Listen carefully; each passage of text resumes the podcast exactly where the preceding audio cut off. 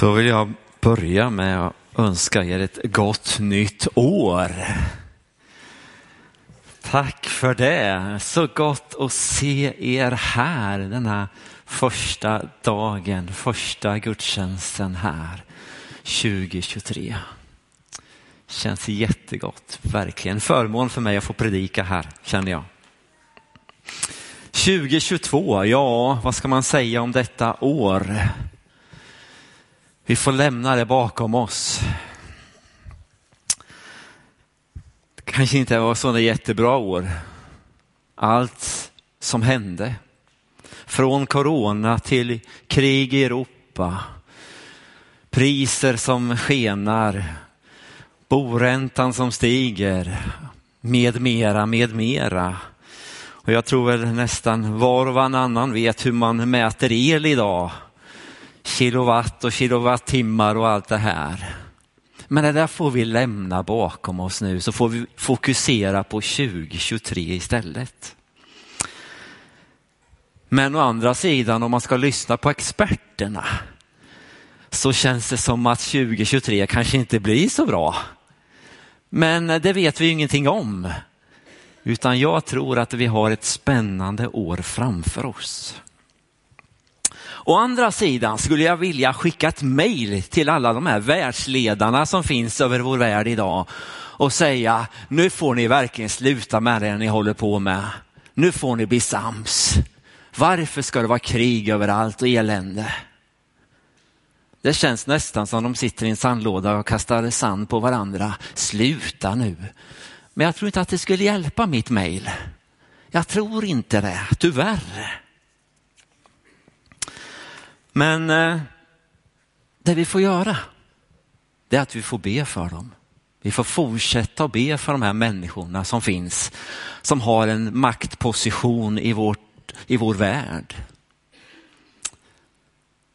Sen är ju det här med Gud och trofastheten som vi har sjungit om. Gud står fast. Det, han, han sviker oss inte. Det han har sagt, det håller. Oavsett vilka stormar som kommer över så står han stadigt och säger, jag är med dig. Du behöver inte vara orolig. Jag har full koll på läget. Det är lite svårt för mig och kanske för dig att tänka så, men så är det. Den här boken, den är för oss. Och Guds ord säger att lita på mig. Jag är med dig. Jag finns vid din sida. Även om det stormar så är jag där. Han har vunnit seger över allt redan. Över din situation som du befinner dig i. Han har faktiskt vunnit en seger över det. Och det är så tryggt att veta. Gud är trofast. Därför ser jag det här året som ligger framför som det är ett spännande år. Vad ska Gud göra? En nyfikenhet. Vad kommer hända? Vad kommer ske? Jeremia 29.11. Jag vet vilka tankar jag har för er. Wow, vilken början säger her Herren, nämligen fridens tankar och inte ofärdens. För att ge er en framtid och ett hopp. Det här ordet är till dig. Fridens tankar. Inte oron utan fridens tankar. Om vi ställer oss nära honom så finns det där. Han finns med dig. Och han vill det bästa för dig. Han vill det bästa. Det finns inget tvivel i det. Han vill att du ska må bra. Det bästa för dig. Nytt år. Ja, många kanske har tittat bakåt i backspegeln och sett vad är det som har hänt för mig? Och jag tror att det är väldigt olika för oss. För vissa har det varit kanske ett riktigt pissår rent ut sagt. Och för andra har det ja, varit ganska okej. Okay. Och ibland så börjar man fundera lite längre. Vad är det som har hänt om man backar bandet ganska långt bakåt i tiden? Ja, det finns saker som jag ångrar väldigt mycket när jag tittar tillbaka. Varför sa jag så? Varför gjorde jag det här? Men det går inte att göra om. Det som är sagt, det som är gjort, det går inte att sudda bort det. Det bara finns där. Det finns en man som är ganska känd. Ja, i vissa kretsar är han väldigt känd. Och eh, som jag sa så eh, går det inte att göra om ett. Och för honom, den här mannen, så var det likadant för honom. Jag tror att han tänkte så här, varför gjorde jag det här? Varför sa jag så här? Varför agerar jag utifrån det här? Han, eh, ja, kanske skulle ha blivit präst, jag vet inte, kanske. Han var ungefär 30 år. Han reste ganska mycket och han var en man som följde lagen. Det var viktigt för honom att följa lagen. Och gjorde inte de andra människorna där, följde lagen så, så eh, satte han dem i fängelse. Till och med dödade dem. Ja, den jag tänker på är Paulus. Han eh, tänkte, den där Jesus, amen, han kan inte vara Messias. Så jag ska utrota de kristna. Inget snack om saken. De ska inte finnas. Jag menar den där Jesus, han säger så och så och så. Han är ju en falsk lärare. Han är en falsk profet. Och det trodde Paulus.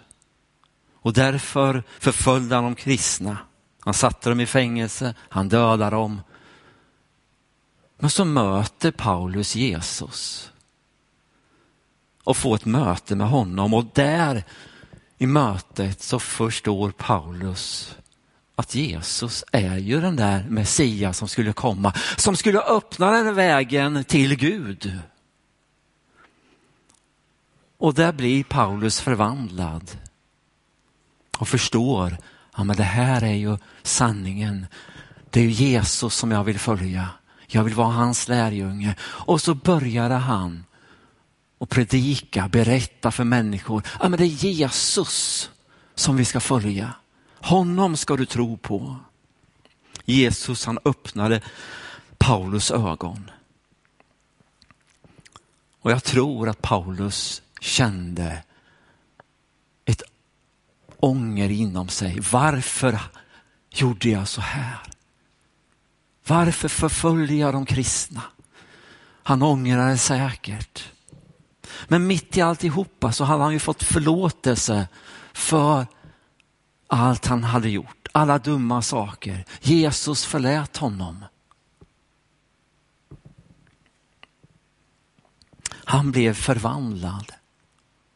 Paulus.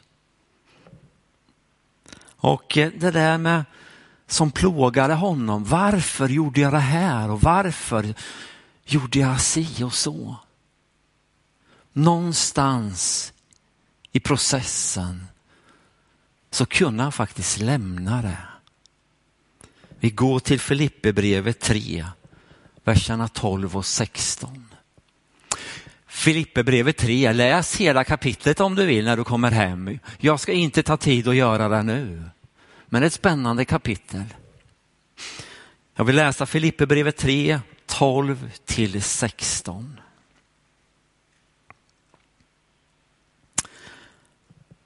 Jesus han kom med frihet och det var där Paulus fick uppleva frihet från det här. Han var förlåten. Och så står det så, här, inte så att jag redan har gripit det eller redan har nått målet, men jag jagar efter att gripa det eftersom jag själv är gripen av Kristus Jesus. Bröder, jag menar inte att jag gripit det, men ett gör jag, jag glömmer det som ligger bakom och sträcker mig mot det som ligger framför och jagar mot målet för att vinna segerpriset.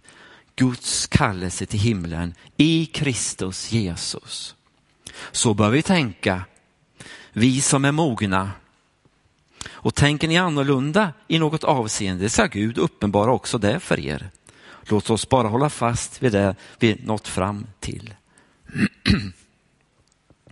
Det finns må många saker som vi kunde stanna vid det här, i det här sammanhanget. Men det finns en mening som sticker ut. Som jag har tuggat på de sista veckorna. Jag glömmer det som ligger bakom och sträcker mig mot det som ligger framför. Guds kallelse till himlen. Jag glömmer det. Hur kunde Paulus säga det här? Han som hade förföljt de kristna, han som hade gjort så mycket ont. Jag glömmer det som ligger bakom och sträcker mot det som ligger framför. Paulus, han visste att han hade fått förlåtelse från sitt gamla liv. Och det här på något sätt så gjorde det inte här ont längre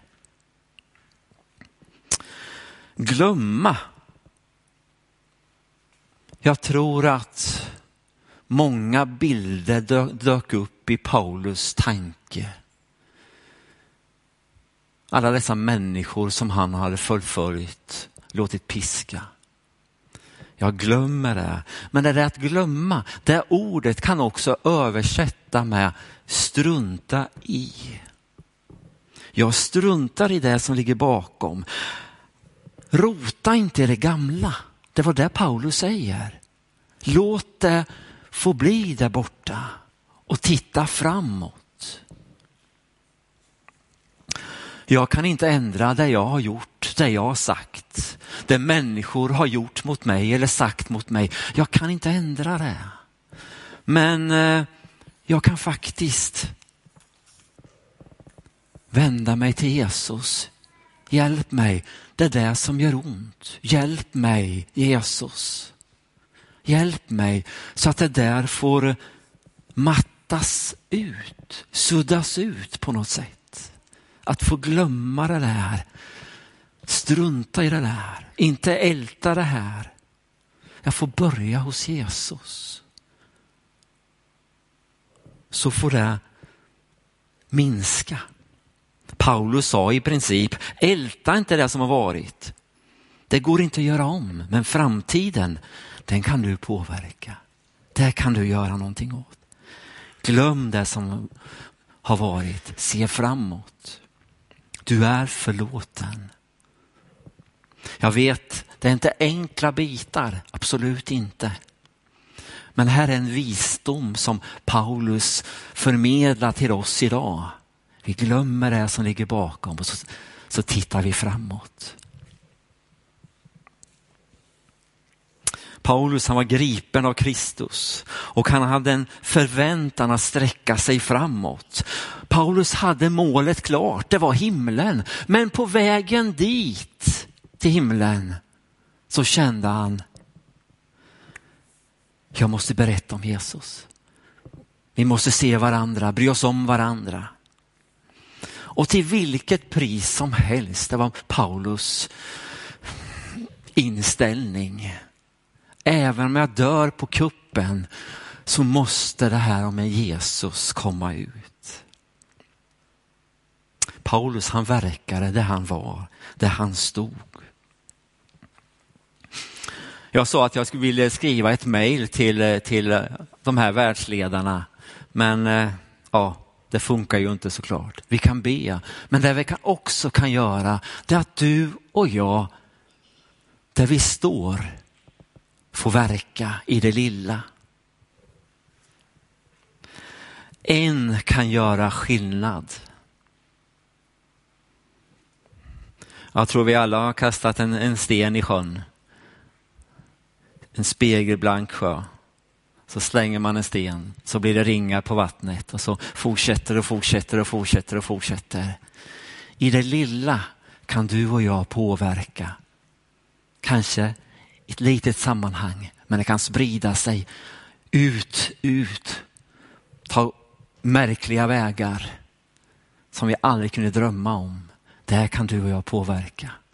I bönen och där vi finns, där vi står.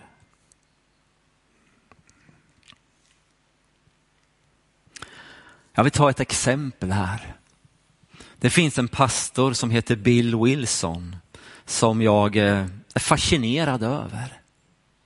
Jag hörde honom för ganska många år sedan. Han var han i Linköping och predikade där.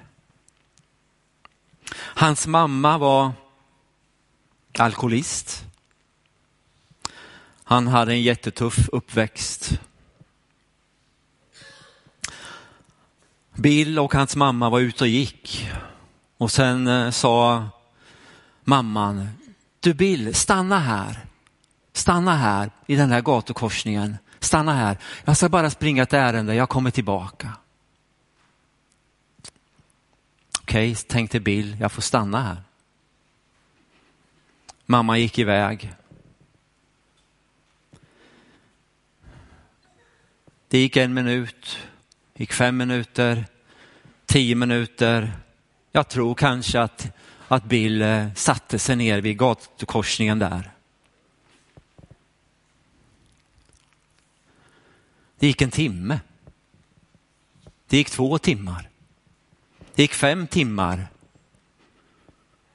Det gick tio timmar. Han väntade, han väntade. Året är 1960. Bill är 12 år gammal. Där sitter han i gatukorsningen. Ingen mamma som kommer. Hundratals människor kör förbi. Massor av folk går förbi. Han sitter där och väntar på sin mamma.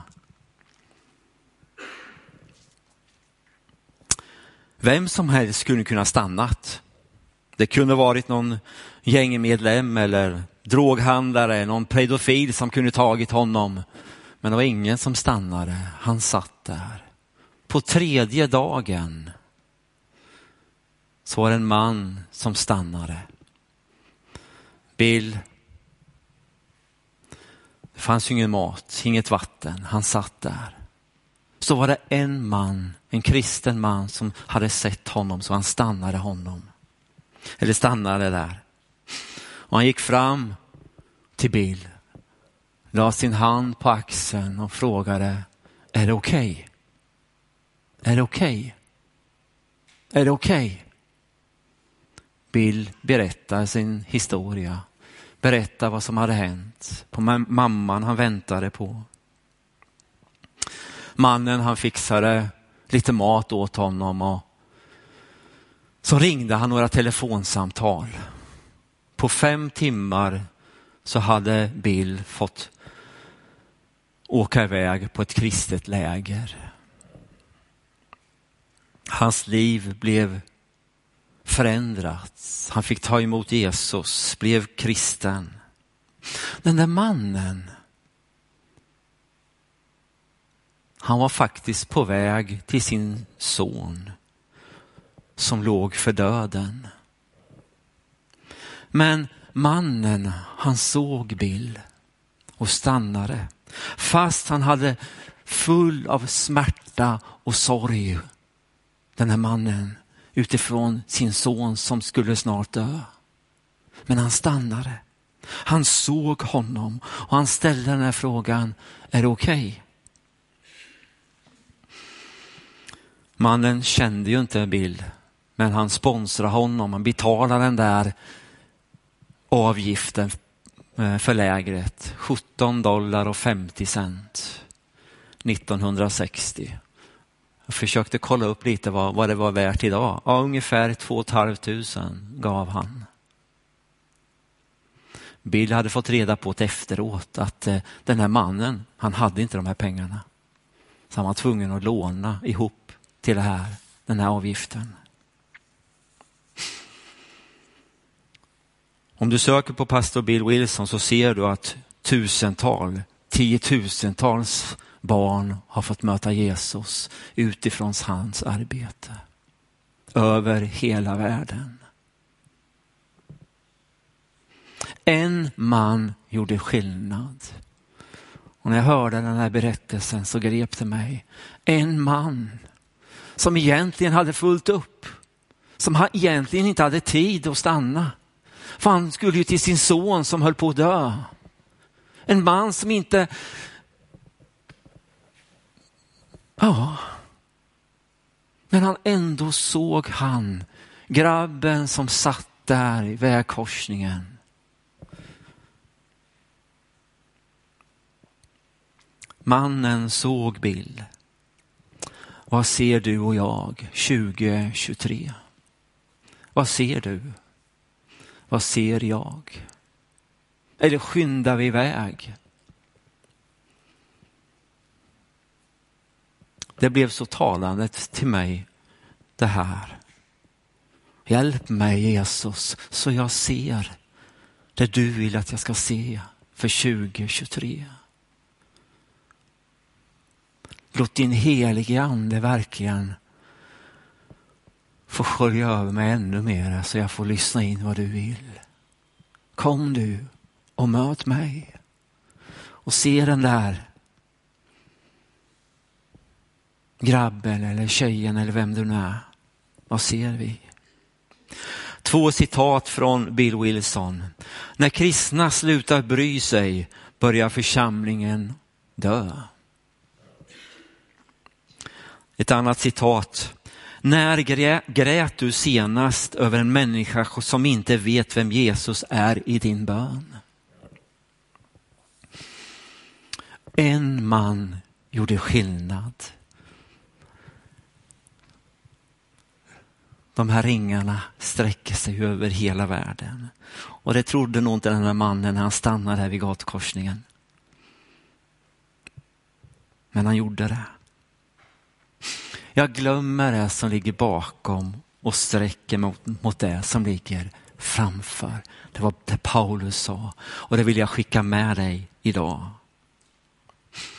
Vi glömmer det som ligger bakom det här tunga året, vad det nu är. Det är lätt att säga, jag vet. Men det ligger en sån djup sanning i det här.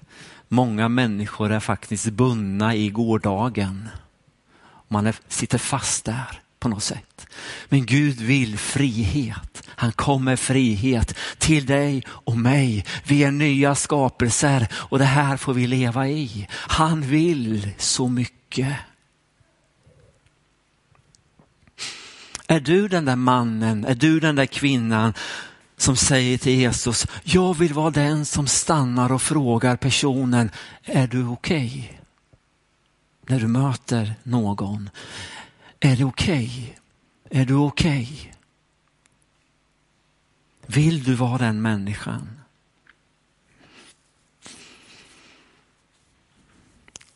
Det där ordet väckelse är ganska spännande tycker jag.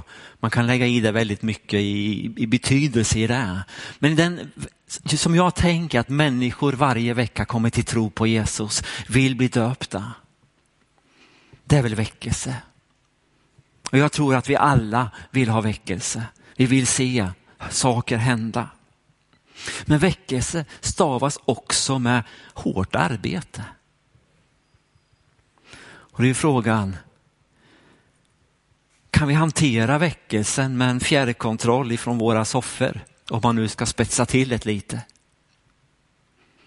Eller måste vi faktiskt vara där människorna finns? Mitt i smeten så att säga, bland människor som inte har något hem. De där trasiga som kanske luktar lite annorlunda eller vad det nu är för någonting. Att ha den där extra platsen vid matbordet för den där femåriga flickan som kanske inte har något tak över huvudet. Eller tonåringen som inte har någon säng eller den där ensamma mamman. Eller mannen som inte har någonstans att sova. Jag hoppas att, att våra hem inte har blivit så fina så de får inte plats där.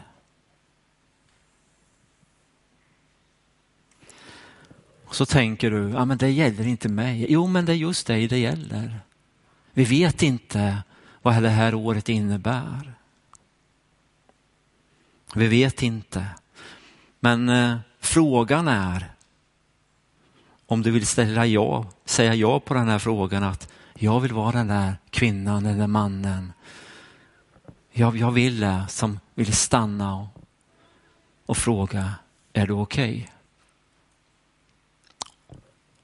Jag vill också säga att jag är så tacksam för den här församlingen, för det som görs. Människor ställer upp för män, människor på olika sätt, i olika saker. Men här är det ett nytt år och man kan, ah, med det här med nyårslöften, vissa tycker att nej, det håller jag inte på med. Och vissa tycker nyårslöften är bra, det, det kan vara att trigga mig för att göra det eller det här. Ett nyårslöfte till Gud. Ja, Jesus, jag vill från och med nu ta ett nyårslöfte och säga Jesus, jag vill vara den där mannen eller kvinnan som, som eh, säger, ja, använd mig.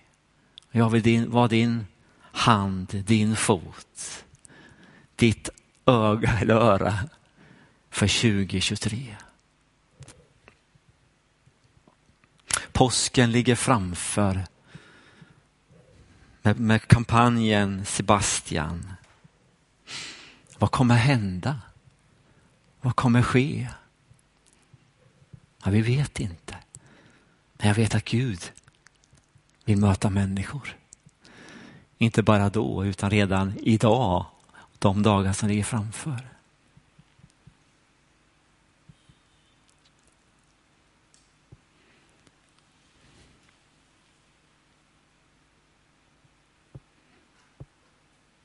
Vi ska be tillsammans. Och så bara tänker jag så här. Känner du att du vill vara den där mannen, kvinnan, tonåringen som vill vara den där resursen och stanna som den här mannen gjorde när han såg Bill. Så skulle jag bara be att du räcker upp handen. Inte för mig, absolut inte. Men jag bara visa Gud, jag vill vara med. Jag vill vara med 2023. Här är jag, använd mig som du vill göra. Använd mig. För det finns sån nöd. Det finns redan händer, flera som räcker upp sina händer. Vi ber och vi blundar och du som känner att ja, här är jag räcker din hand så tar vi en stund här. Far i himmelen. Gud, du ser alla dessa händer som räcks upp. Du ser hjärtana bakom de här händerna Jesus. En längtan att, som säger, här är jag. Använd mig, bruka mig. Låt mig se det du ser. Och helige ande, Kom du och rör vid oss här och nu. Kom och möt oss. Möt oss. Vi är helt beroende av dig helige ande. Kom ännu mera. Vi är helt beroende av dig. Kom och möt oss. Gör oss frimodiga. Fyll oss med din kraft. Låt oss gå fram till människor och fråga rakt ut. Hur är det? Hur mår du? Tack att du ser oss den här stunden. Tack för din kärlek. Och du plockar inte bort någon av oss för vi är lika värdefulla och viktiga dig, för dig i det här uppdraget som du har gett oss. Och tack att vi får vara de där. Vad det nu innebär det vet vi inte, men de där som ser människor och bryr sig om människor. Tack att du vill tala. Tack att du vill möta oss Jesus. Du helige. Du helige. Tack för ett nytt år som du ger oss. Tack för nya möjligheter Jesus. Och tack att du räknar med oss. Du kom med frihet och tack att vi får leva i den friheten. inte något tungt, jobbigt, utan att vi får verkligen få uppleva den här friheten i dig.